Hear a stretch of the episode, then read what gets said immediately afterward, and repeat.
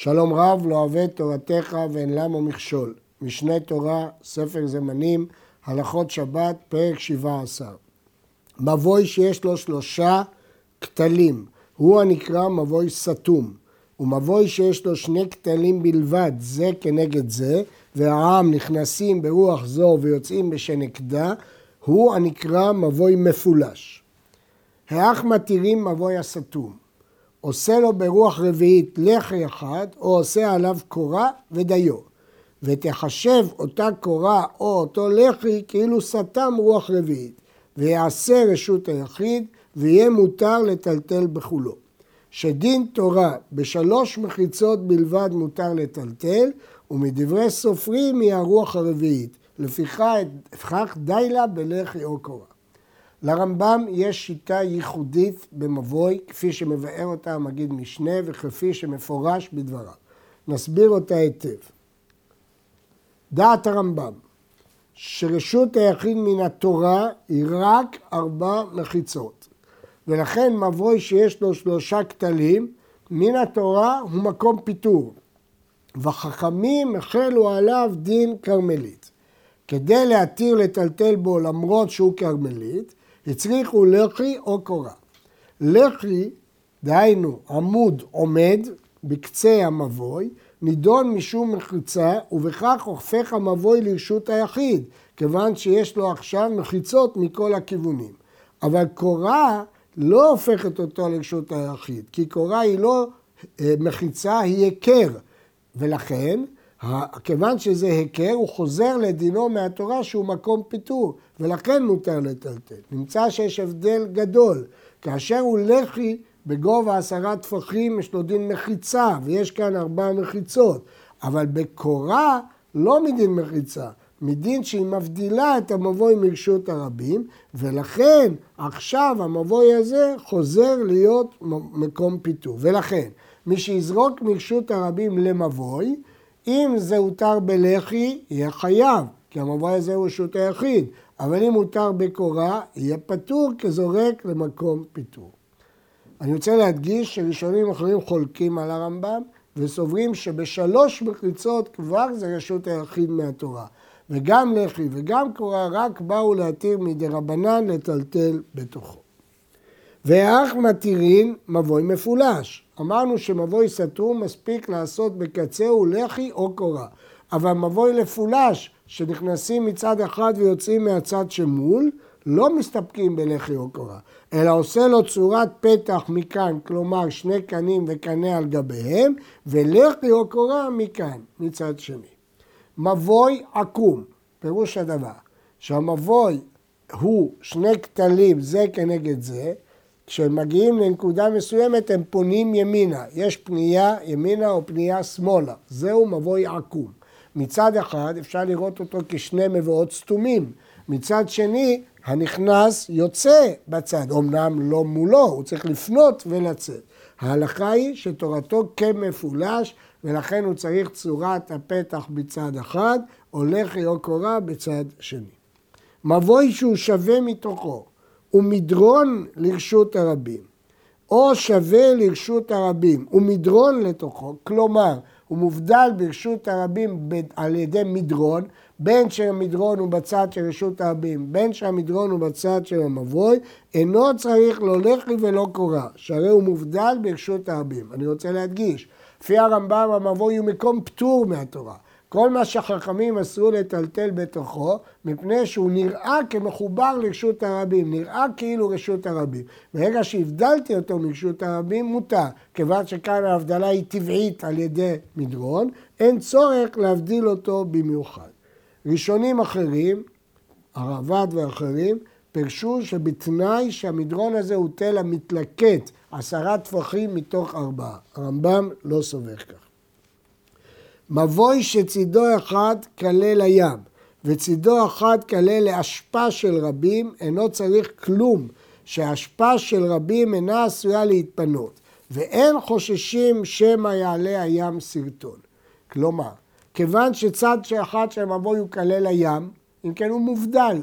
צד אחד לים, צד שני הוא כלל ערימת אשפה גבוהה של רבים, שאין מפנים אותה כפי שכבר למדנו, אינה עשויה להתפנות, אז המבוי מובדל. כיוון שהוא מובדל, מותר לטלטל בתוכו. מה יכול להיות חשש? שבצד של הים יעלה סרטון, הים ייסוג ויהיה סרטון. לא חוששים שיעלה הים סרטון. יש חולקים וגורסים בגמרא להפך, שחוששים שהים יעלה סרטון, אבל הרמב"ם גורס שאין חוששים שהים יעלה סרטון. מבוי מפולש היה קלה לאמצע הרחבה של רבים. אם לא היה מכוון כנגד פתח הרחבה, הרי זה כסתום, ואינו צריך מצד הרחבה כלום. אבל אם היה קלה לצדדי הרחבה, אסור. ואם היה של יחיד, אף לאמצעה אסור. פעמים בונה מצד אחד ונמצא קלה לצידה של רחבה. הסברנו שכל הבעיה ממבוי זה להפריד אותו מרשות הרבים. כאן המבוי הזה, הקצה שלו נפגש ברחבה. כיוון שהקצה שלו נפגש ברחבה, אם הקצה שלו קלה באמצע הרחבה של רבים, אז תלוי, אם הוא מכוון כנגד הפתח, אז הוא נראה כמבוי פרוץ שיוצאים אליו ונכנסים אליו דרך פתח רחבה החוצה. אבל אם היה כלה לצדדי הרחבה, לא מול הפתח, אסור, כי הוא לא כלה לאמצע הרחבה. כשהוא באמצע הרחבה יש הבדל אם זה לצדדים או לפתח, אבל כשהוא לצדדי הרחבה אסור. ואם הייתה של יחיד, אף לאמצעה אסור, כי פעמים בונה מצד אחד ונמצא קלה לצידה של רחבה. נדגיש, כל מה שמדובר פה זה מצד מראית העין. האם נראה המבוי כסתום או שלא נראה המבוי כסתום. יש שיטת הראב"ד, שאם ברחבה גרים אנשים ועשו עירוב של החצר עם המבוי ועם הרחבה, הכל מותר, כיוון שבעצם החצר, הרחבה והמבוי הופכים להיות רשות אחת, וזה לא נחשב פרוץ לרשות הרבים. ז. אין המבוי ניתר בלחי או קורה עד שיהיו בתים וחצרות פתוחות לתוכו, ויהיה אורכו מארבע אמות ולמעלה, ויהיה אורכו יתר על רוחבו. מתי הוא מקבל דין של מבוי ולא דין של חצר? צריכים כמה תנאים. שבתים וחצרות פתוחים, פתוחות לתוכו, זה הגדרה של מבוי, רש"י מסביר שהבתים פתוחים לחצרות והחצרות פתוחות למבוי. הרמב"ם אומר בתים וחצרות פתוחות לתוכו. דבר שני, אורך המבוי, ארבע אמות ולמעלה, ג' שהאורך יתר על הרוחב. אז זה לא צורה של חצר, אלא של סמטה. המבוי הוא מעין סמטה שמקשרת בין כמה חצרות שפתוחות לתוכו. אבל אם אורכו כרוחבו, אז הוא חצר. או אם אין בתים פתוח, אה, וחצרות פתוחות לתוכו, כחצר. אז מה יש אם הוא כחצר? חצר לא מספיק ללחי או קורה. היא צריכה שני לחיים בשני רכותיו כל לחי במשהו או בפס רוחב ארבעה מרוח אחת. ההיתר של החצר הוא שונה מההיתר של מבוי, נדרשים שני לחיים משתי רוחות או פס רוחב ארבעה מרוח אחת.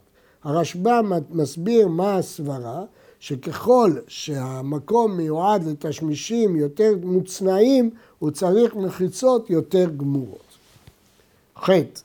חצר שאורכה יתר על רוחבה, הרי היא כמבוי, כמו שהסברנו בהלכה הקודמת, וניתרת בלחי או קורה. ומבוי שאין בתים וחצרות פתוחות לתוכו, כגון שלא היה בו אלא בית אחת או חצר אחת, וכן מבוי שאין באורכו ארבע אמות, אינו ניתר אלא בשני לחיים או בפס ארבעה, כפי שביארנו בהלכה הקודמת. מבוי שאין ברוחבו שלושה טפחים, מבוי צר מאוד, סמטה פחות משלושה טפחים, אינו צריך לא לחי ולא קורה, ומותר לטלטל בכולו, שכל פחות משלושה הרי הוא כלבות, אין פה בכלל מבוי, זה פחות משלושה טפחים, כאילו הכל מחובר. מבוי שהכשרו בקורה, אף על פי שמותר לטלטל בכולו כרשות היחיד, אבל הוא לא מדין רשות היחיד, כי הסברנו שרשות היחיד לפי הרמב"ן צריכה ארבע מחיצות. אז אמנם איתנו לטלטל בתוכו כי הוא מקום פיטור. הזורק מתוכו לרשות הרבים או מרשות הרבים לתוכו פטור, כי הוא לא רשות היחיד, אין לו ארבע מחיצות, הוא מקום פיטור כפי שהסברנו בהקדמה. שהקורה משום היכר היא עשויה, אבל אם הכשרו בלחי, הזורק מתוכו לרשות הרבים או מרשות הרבים לתוכו חייב שהלחי רואה כמחיצה ברוח רביעית, כפי שהסביר המגיד משנה. יש הבדל אם הכשרנו את המבוי בלחי או בקורה, המבוי הוא מקום פיטור. אם הכשרנו אותו בלחי, יש לו עכשיו ארבע מחיצות ורשות היחיד גמורה, ומי שיזרוק מרשות הרבים מתוכו חייב. אבל אם לא איתרנו אותו בלחי, אלא בקורה, הרי זה רק היכר, אין ארבע מחיצות, זה לא רשות היחיד, זה מקום פיטור, ולכן מי שיזרוק מרשות הרבים לתוכו, פטור. שיטה ייחודית של הרמב"ם. שני כותלים ברשות הרבים, והעם עוברים ביניהם. כיצד מכשיר ביניהם? כאן לא מסתפקים בלחי וקורה, כי זה רשות הרבים, זה לא מבוי. זה דלתות מכאן ודלתות מכאן. כדי להפריד בין המקום שהרבים עוברים, לא מסתפקים עכשיו בלחי וקורה, צריך ממש דלתות. ואינו צריך, ואחר כך יעשה ביניהם רשות היחיד, כי יש שני כתלים ויש דלתות. ואינו צריך לנעול הדלתות בלילה, אבל צריך שיהיו ראויות להינעל. מה פירוש ראויות להינעל? אם הן משוקרות בעפר, מפנה אותן ומתקנם להינעל. צריך שתאורטית אפשר לנעול את הדלתות. אבל צורת פתח הולך לי וקורה אינן מועילות בהכשר רשות הרבים. משמע מהרמב"ם פה, שמספיק שראויות להינעל. יש לנו, אם כן, יש, אם יש עיר גדולה ויש בה שערים מפולשים, למשל ירושלים העתיקה מוקפת חומה ויש לה שערים מפולשים, שער מול שער, האם אפשר לטלטל מתוכה? אם עשו לה דלתות. הגמרא אומרת, אם הדלתות ננעלות בלילה, מותר לטלטל בתוכה כרשות היחיד.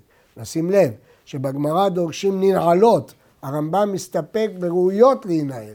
אומר המאירי כי שם זה עיר, בעיר צריך ממש ננעלות. אבל בסתם רשות הרבים מספיק ראויות להינעל.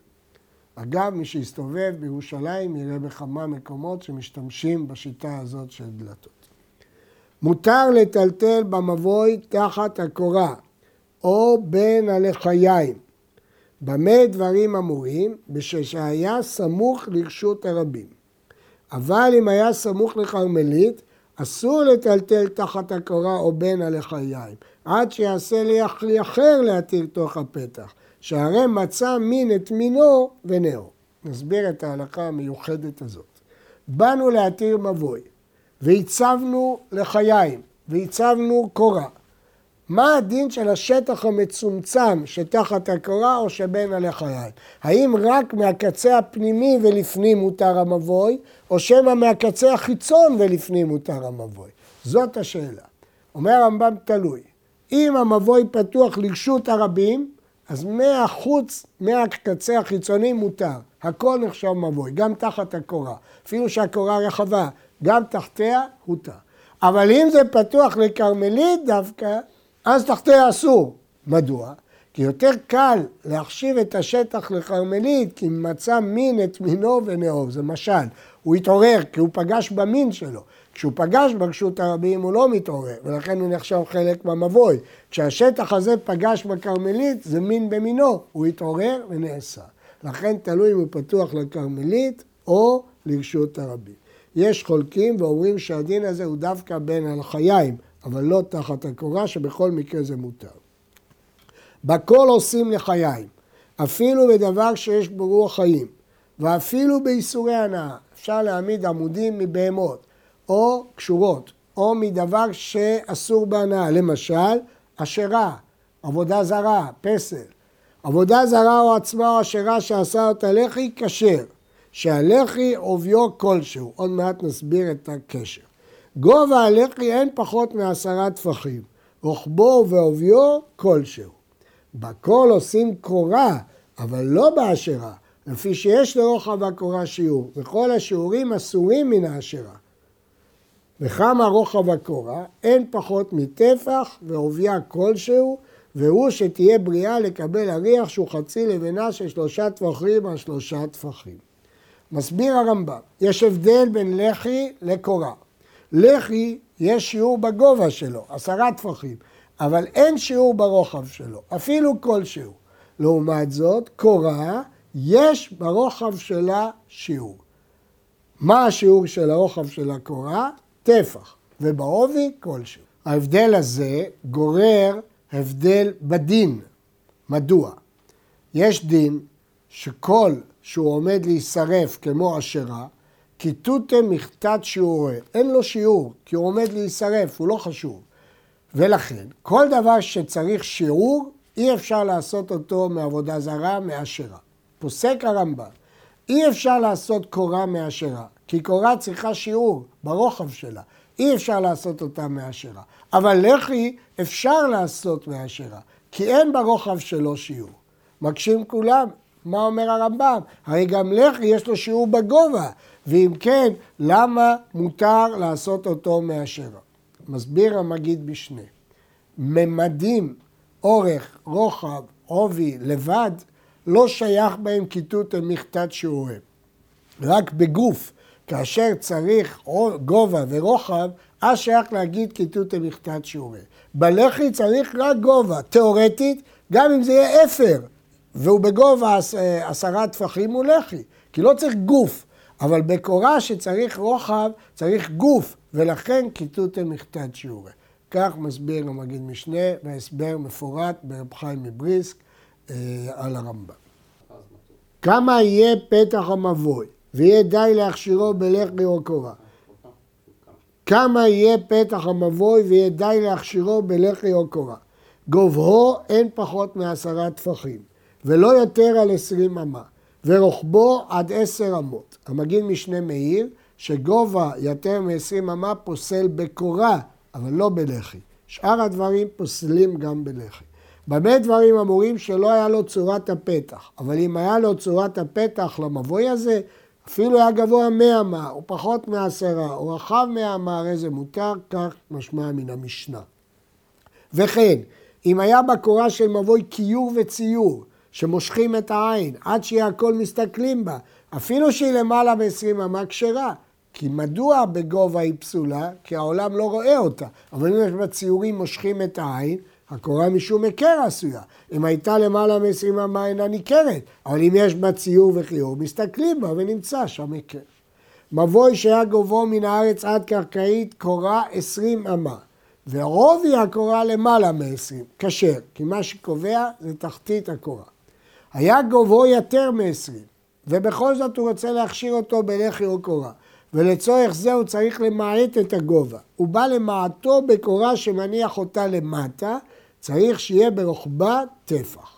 וזה שהיא תיקרא חשובה למעט את הגובה.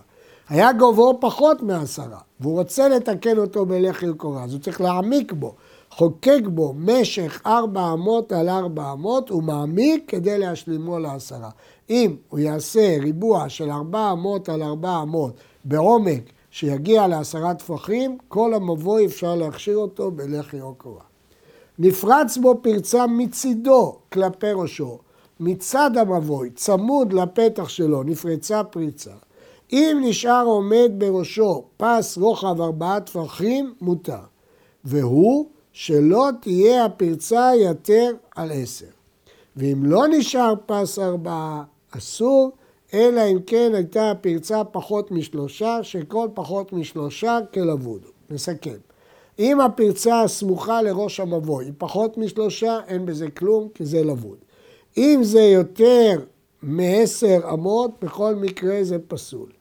אם זה בין שלושה טפחים לעשר אמות, אז הפרצה יכולה להרוס את הפתח, כי היא כאילו מקצרת את הדרך של האנשים. אז תלוי. אם הפרצה הזאת לא השאירה פס של ארבעה, אסור. אם השאירה פס של ארבעה, מותר. נפרץ המבוי במילואו לחצר. המבוי נפרץ, אבל לא לרשות הרבים, אלא לחצר. לכאורה אין בעיה. אבל נפרצה החצר כנגדו לרשות הרבים. אפשר לקצר מרשות הרבים למבוי דרך החצר. הרי זה אסור, מפני שהוא מבוי מפולש. כל העם יצאו מצד אחד של רשות הרבים לצד שני של רשות הרבים דרך המבוי והחצר. והחצר מותרת. שהחצר שרבים בוקעים בה ונכנסים בזו ויוצאים בזו, הרי כרשות היחיד גמורה. כל הדין של מבוי שהוא מפולש, בחצר אין לנו בעיה שהוא מפולש. כי חצר סוף סוף היא מוקפת מארבע רוחות, לא אכפת לי שנכנסים בזו ויוצאים בזו. מבוי שהיו לו שבילים מצד זה ושבילים מצד אחר, שנמצאו מפולשים לרשות הרבים, אף על פי שאינם מכוונים זה כנגד זה, הרי כל אחד מהם מבוי מפולש, למרות שהם לא מכוונים. ואם כן, כיצד מכשירים אותו? כמו כל מבוי מפולש, עושה צורת פתח לכל אחד ואחד מן השבילים שבצד אחד, וכן לפתח הגדול, כי בעצם הוא מפולש מהפתח הגדול דרך השבילים, ועושה לכל השבילים שבצד השני לחי או קורה. מדוע? כי כל מבוי המפולש צריך צורת פתח בצד אחד, צריך לחי או קורה בצד שני. כאן כל שביל הופך להיות מבולש דרך הפתח, ולכן צריך אותו דין של מבוי מפולש. מבוי שצידו אחד ארוך וצידו אחד קצר. דהיינו, כותל אחד שלו ארוך וכותל שני קצר. כשהוא צריך לשים את הקורה, איפה הוא ישים אותה? בקצה של הארוך, כשהיא לא מגיעה לקיר השני, או בקצה של הקצר, ואז היא מגיעה לקיר השני, אבל מקצרת את המבוי. מניח את הקורה כנגד הקצר, כלומר הוא בעצם מקצר את המבוי. העמיד לחי בחצי המבוי, הוא לא שם את הלחי בקצה, אלא באמצע המבוי מכל מיני סיבות של נוחיות. מחצי המבוי הפנימי שהוא לפנים מן הלחי, מותר לטלטל בו. חצי החיצון שהוא חוץ מלחי אסור. כלומר, רק ממקום הלחי מותר לטלטל, מחוצה לו אסור. מבוי שהוא רחב עשרים אמה, עושה פס גבוה עשרה טפחים במשך ארבע אמות, גובה עשרה טפחים ואורך ארבע אמות, שהוא שיעור משך המבוי, ומעמידו באמצע, ונמצא כשני מבואות, שיש בפתח כל אחד מהם עשר אמות. הוא רוצה להכשיר את המבוי הזה, אבל יש בעיה, הוא רחב עשרים אמה, אז הוא צריך לחלוק אותו לשניים. אבל לא צריך לחלוק אותו לשניים לכל אורכו. מספיק שהוא יעשה פס גבוה עשרה, באורך ארבע אמות, כי זה שיעור מבוי. ברגע שהוא יעשה את זה, הוא כבר חלק את המבוי לשניים, ואז יש פה שני מבואות.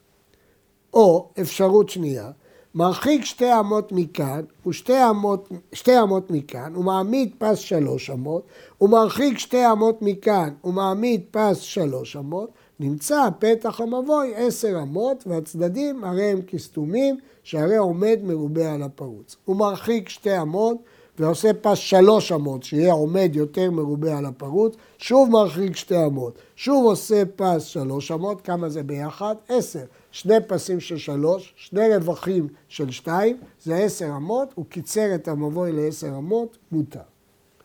לחי הבולט מדופנו של מבוי, כשר. לחי העומד מאליו, דהיינו שלא בן אדם מכין אותו, אלא הוא עומד מאליו, אם סמכו עליו מקודם השבת, כשר. הדבר הזה הוא מחלוקת אביה ורבה, זה הלמד של יעל כגם, שבהם הלכה כאביה, והסיבה היא שלחם משום מחיצה, מכיוון שאמרנו במחיצה שמחיצה עומדת מאליה שרי, אז לפי הבית גם לחי העומד מאליו מותר. ולחי שהוא נראה מבפנים לחי, ומבחוץ אינו נראה לחי. מי שעומד בתוך המבוי רואה את הבליטה של הלחי. מי שעומד מבחוץ לא רואה, חושב שזה המשך של הקיר של המבוי, או שהיה נראה מבחוץ לחי, ומבפנים נראה שהוא שווה כאילו אין שם לחי. מי שבא מבחוץ, הלחי בולט לו, אבל מי שרואה בפנים חושב שזה המשך של הקיר, הרי זה נידון משום לחי. מספיק שהוא נראה או מבחוץ או מבפנים, כבר יש לו שם לחי. לחי שהגביהו מן הקרקע שלושה טפחים, או שהפליגו מן הכותל שלושה, לא עשה כלום, כי הוא צריך להיות צמוד לקיר וצמוד לקרקע. אבל פחות משלושה טפחים, כשר, שכל פחות משלושה כלבוד כאילו הוא דבוק. לחי שהיה רחב הרבה, הוא לא העמיד המוצר, הוא לקח לחי רחב. בין שהיה רוחבו פחות מחצי רוחב המבוי. בין שהיה רוחבו כחצי רוחב המבוי, כשר ונידון משום לחי. אפילו שהיה לחי ברוחב חצי המבוי, כשר. אבל אם היה יותר על חצי רוחב המבוי, אז זה כבר לא לחי, אלא נידון משום עומד מרובה על הפרוץ.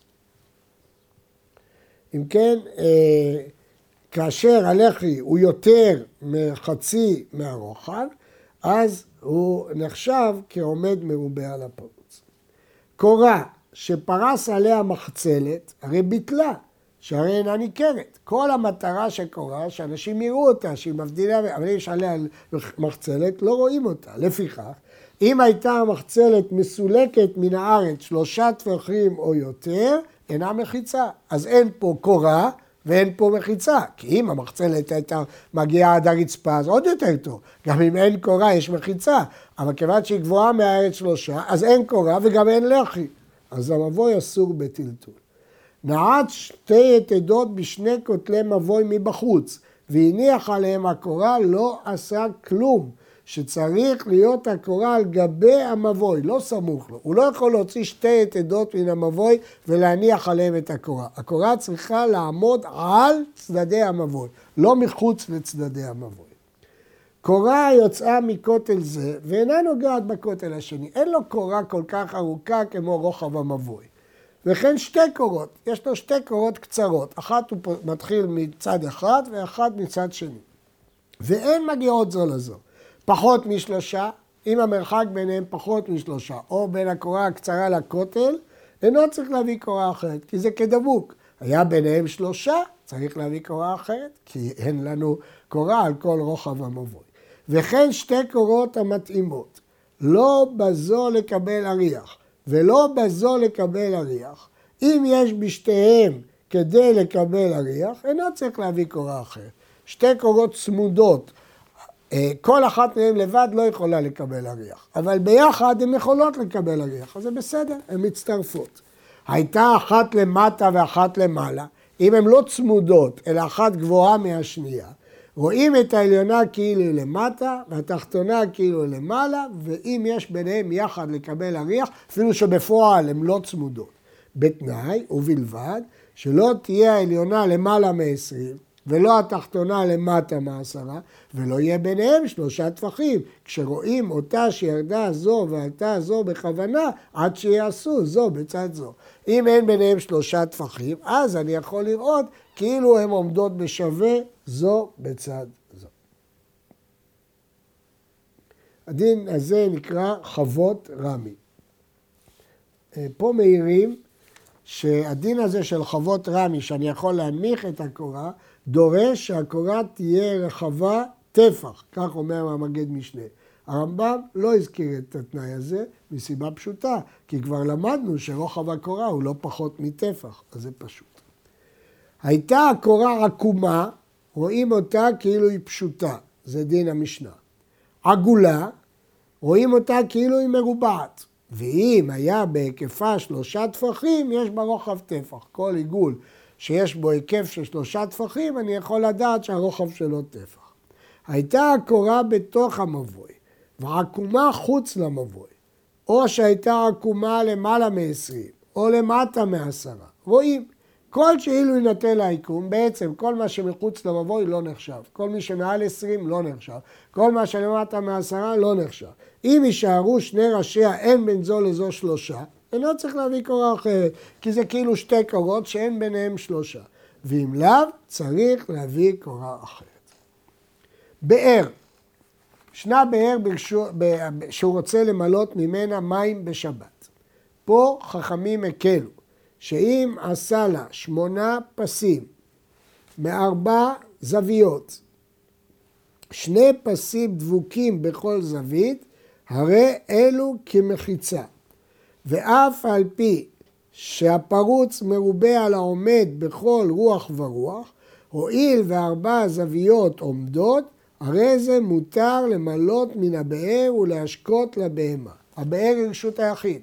כשהוא מעלה מהבאר ומשקה אל הבהמה, הוא משקה בכרמלית. בכל אופן זה מותר אם הוא יעשה פסים, מין ריבוע, כאשר בשני פסים דבוקים בכל זווית. מה החידוש? הרי הפסים האלה יוצרים מחיצה. חידוש הוא למרות שהפרוץ מרובה על העומד. ואמרנו שכשהפרוץ מרובה על העומד לא נחשב מחיצה, הקלו בבאר כדי לשתות מים. וכמה יהיה גובה כל פס מהם? עשרה טפחים ורוחבו שישה טפחים. ובין כל פס לפס כמלוא שתי רווקות של ארבע ארבע בקר, אחת נכנסת ואחת יוצאה. שהוא רוחב זה אין יותר על 13 אמה ושליש. כלומר, יש שיעור לגובה הפסים, יש שיעור לרוחב הפסים, וגם יש שיעור לרווח. אי אפשר שהרווח יהיה יותר ביניהם משתי רווקות. רווקות זה צירוף של בהמות שיוצאים לחרוש בהם יחד. אז צריך להיות רווקות של ארבע ארבע בקר, אחת נכנסת ואחת יוצאת, זה מחלוקת תנאים, שהוא רוחב זה הוא שלוש עשרה אמה ושליש. היה במקום אחד מן הזוויות, או בכל זווית מארבעתם, אבן, או אילן, או תל המתלקט עשרה מתוך, טפחים מתוך ארבע אמות, או חבילה של קנים, רואים. כל שאילו יחלק יש בו אמה לכאן ואמה לכאן בגובה עשרה, נדמיין שהחבילת קנים הזאת, אפשר לפצל אותה ולהציג אותה כדיום דין בדמיון, כשני עמודים של אמה מכאן ואמה מכאן, אז נידון כמו פסים. חמישה קנים, ואין בין זה לזה שלושה, ויש ביניהם שישה טפחים לכאן ושישה טפחים לכאן, נידונים משום זווית שיש בה שני פסים. מותר להקריב ארבע הזוויות האלו לבאר, והוא שתהיה פרה ראשה ורובה לפנים מן הפסים ושותה. כלומר, מותר לעשות את הריבוע הזה צמוד לבאר, בתנאי שראשה ורובה של הפרה תהיה בפנים, אפילו שחלק ממנה עומד בחוץ. אם אין לו מספיק פסים ארוכים, יכול לעשות ריבוע קטן, אבל שיספיק לראש ורוב של הבהמה. אף על פי שלא יאחוז ראש הבהמה הכלי שבו המים, הואיל וראשה ורובה בפנים מותר אפילו לגמל. למה? בגמל דרשנו מקדם שיהיה רובו בפנים. כאן, כיוון שזה לא האבסה, אז הצוואר ארוך או קצר, הוא לא משמעותי. היו קרבים יותר מזה, אסור להשקות מהם אפילו לגדי שהוא כולו נכנס לפנים. כיוון שבהמה לא יכולה להיכנס, אז אפילו שגדי יכול להיכנס, אסור אפילו לגדי. זה אם הוא עשה קרובים מדי. אבל אם הוא עשה רחוקים, ומותר להרחיק כלשהו, יכול לעשות איזה מרחק שהוא רוצה, ובלבד שהרבה בפסים פשוטים שמניחים אותם בכל רוח לרוח, כדי שלא יהיה בין פס לחוברו יותר על 13 אמה ושליש. כאשר הוא עושה את הריבוע הזה גדול מאוד, אז הוא לא יכול להסתפק בזוויות, הוא כמובן צריך עוד פסים אמצעיים, כדי שלא יהיה רווח של יותר מ-13 אמה ושליש. כל ההיתר הזה שלמדנו, לא התירו הפסים האלו אלא בארץ ישראל, ולבהמת עולה רגלים בלבד, והוא שיהיה באר מים חיים של רבים. זה היתר מיוחד, בארץ ישראל, בבאר מים ובעולה רגלים. אבל אדם ירד לבאר וישתה. מה יעשה אדם רגיל שהוא לא עולה רגלים? ירד לתוך הבאר, או אם זה רק לבהמה איתנו.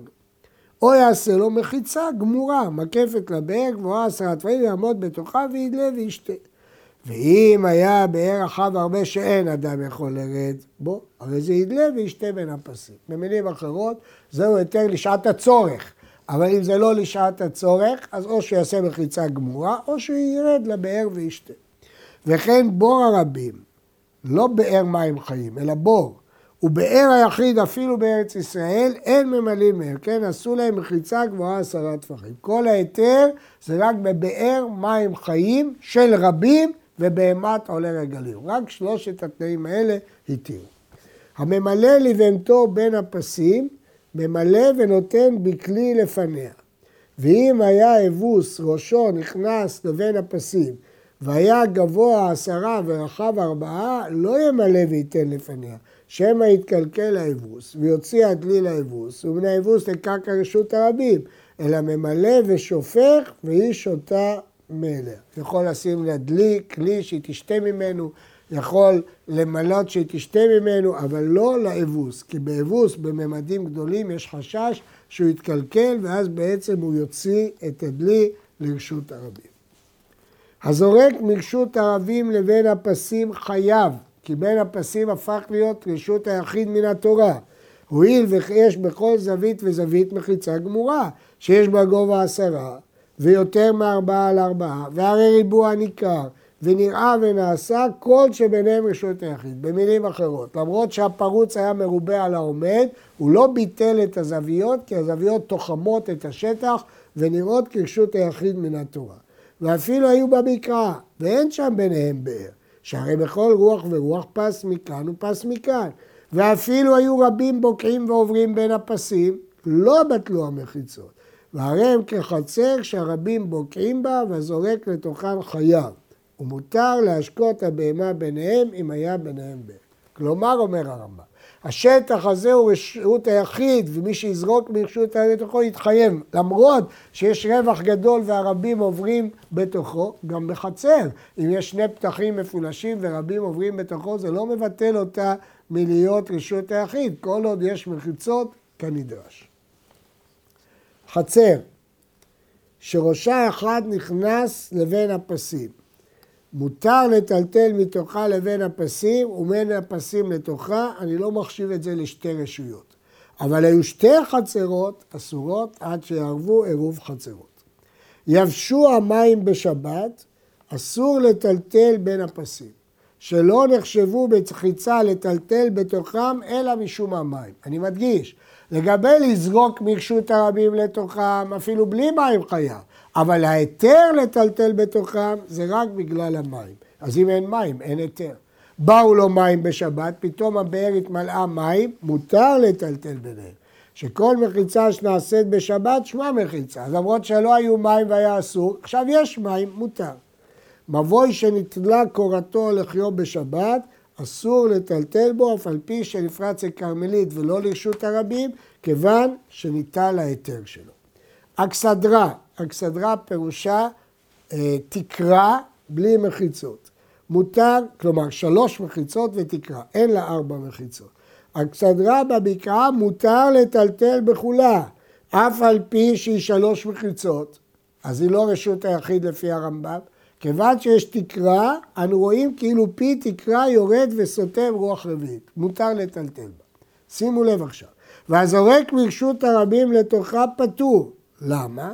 כזורק למבוי סתום שיש לו קורה. הרי אמרנו שלפי הרמב"ם, שלוש מחיצות הם לא רשות היחיד מהתורה, אבל הם מקום פיטור, ולכן מי שיזרוק מרשות הרבים לתוכה פטור, אלא שאסרנו מדין מבוי, אבל כאשר פי תקרה יורד וסותם, אין איסור. הרעב"ד חולק, כי לדעתו שלוש מחיצות זה מהתורה, רשות היחיד, אז מה יתיר לזרוק מרשות הרבים לתוכה? בית או חצר שנפרץ קרן זווית שלה בעשר אמות, הרי זה אסור לטלטל בכולו, אף על פי שכל פרצה שהיא עד עשר אמות כפתח. אז הרי פה זה כעשר אמות, אז למה אתה אומר שאסור לטלטל שהמחיצה התבטלה? מסביר הרמב"ם, אין עושים פתח בקרן זווית. כדי להחשיב פרצה לפתח, אי אפשר שזה יהיה בקרן זווית, בפינה. לא עושים פתח בפינה. ואם הייתה שם קורה מלמעלה על אורך הפרצה, רואים אותה שירדה וסתמה ומותר לטלטל בכולו, והוא שלא תהיה באלכסון. נסביר את הדברים. אמרנו שפרצה שהיא כעד עשר אמות, הרי היא כפתח. כל פרצה שהיא כעשר אמות היא כפתח. אבל יש גבול. מתי היא כפתח? כאשר היא לא בקרן זווית. אבל כשבקרן זווית היא אה, לא כפתח, היא כפרצה. אבל אם יש לה קורה, אני אומר, את פי התקרה יורד וסותם. אבל אם הקורה מונחת באלכסון, אי אפשר לראות את פי הקירה כאילו יורד וסותם. כי כדי שפי תקרה ירד ויסתום, צריך שיהיה פי תקרה, שאני אראה את פי התקרה שהוא כאילו יורד. אבל אם מונחת באלכסון, אני לא רואה את פי התקרה כאילו יורד. האצבע שמשערים בה בכל מקום הוא רוחב אגודל של יד. והטפח ארבע אצבעות. יש פה להעיר הערה חשובה. תמיד חשבו שרוחב האצבע נמדד כמו שנמדדות אה, כל האצבעות. לפני כמה שנים חידש אחד חידוש גדול במאמר שכתב, שהיות שמי שיתבונן בכף ידו יראה שהאצבע אינה עומד, האגודל אינו עומד כמו כל האצבעות, לדעתו הרוחב נמדד כפי שהאגודל עומד כשמניחים את כף היד על משטח. ואז הרוחב של האגודל הוא הרבה פחות מהרוחב שהיה נהוג למדוד בו, ולפי זה הוא פתר בעיה גדולה בשיעורי תורה. והטפח, ארבע אצבעות. טפח לא כולל את האגודל, הוא ארבע אצבעות. כלומר, ארבע רוחב גודלים של יד זה טפח. והמה בכל מקום, בין בשבת, בין בסוכה וכלאיים, היא אמה בת שישה טפחים. אגב, בכלי בית המקדש מדדו לפעמים בחמישה טפחים. ופעמים משערים באמה בת שישה טפחים דחוקות זו לזו, ופעמים משערים באמה בת שישה שוחקות ורווחות, כמו אדם ששוחק, הוא פותח. אז לפעמים זה פתוח, לפעמים זה דחוק, וזה וזה להחמיר. תמיד הולכים להחמיר. כיצד? משך מבוי בארבע אמות, שוחקות, להחמיר. גובהו עשרים אמה, עצבות, להחמיר. רוחב הפרצה עשר אמות, עצבות. כיוצא בהם עניין סוכה וכלאיים. כלומר, לפעמים אנחנו מתייחסים לטפחים צפופים, לפעמים מרווחים, הולכים לחומרה לשני הצדדים.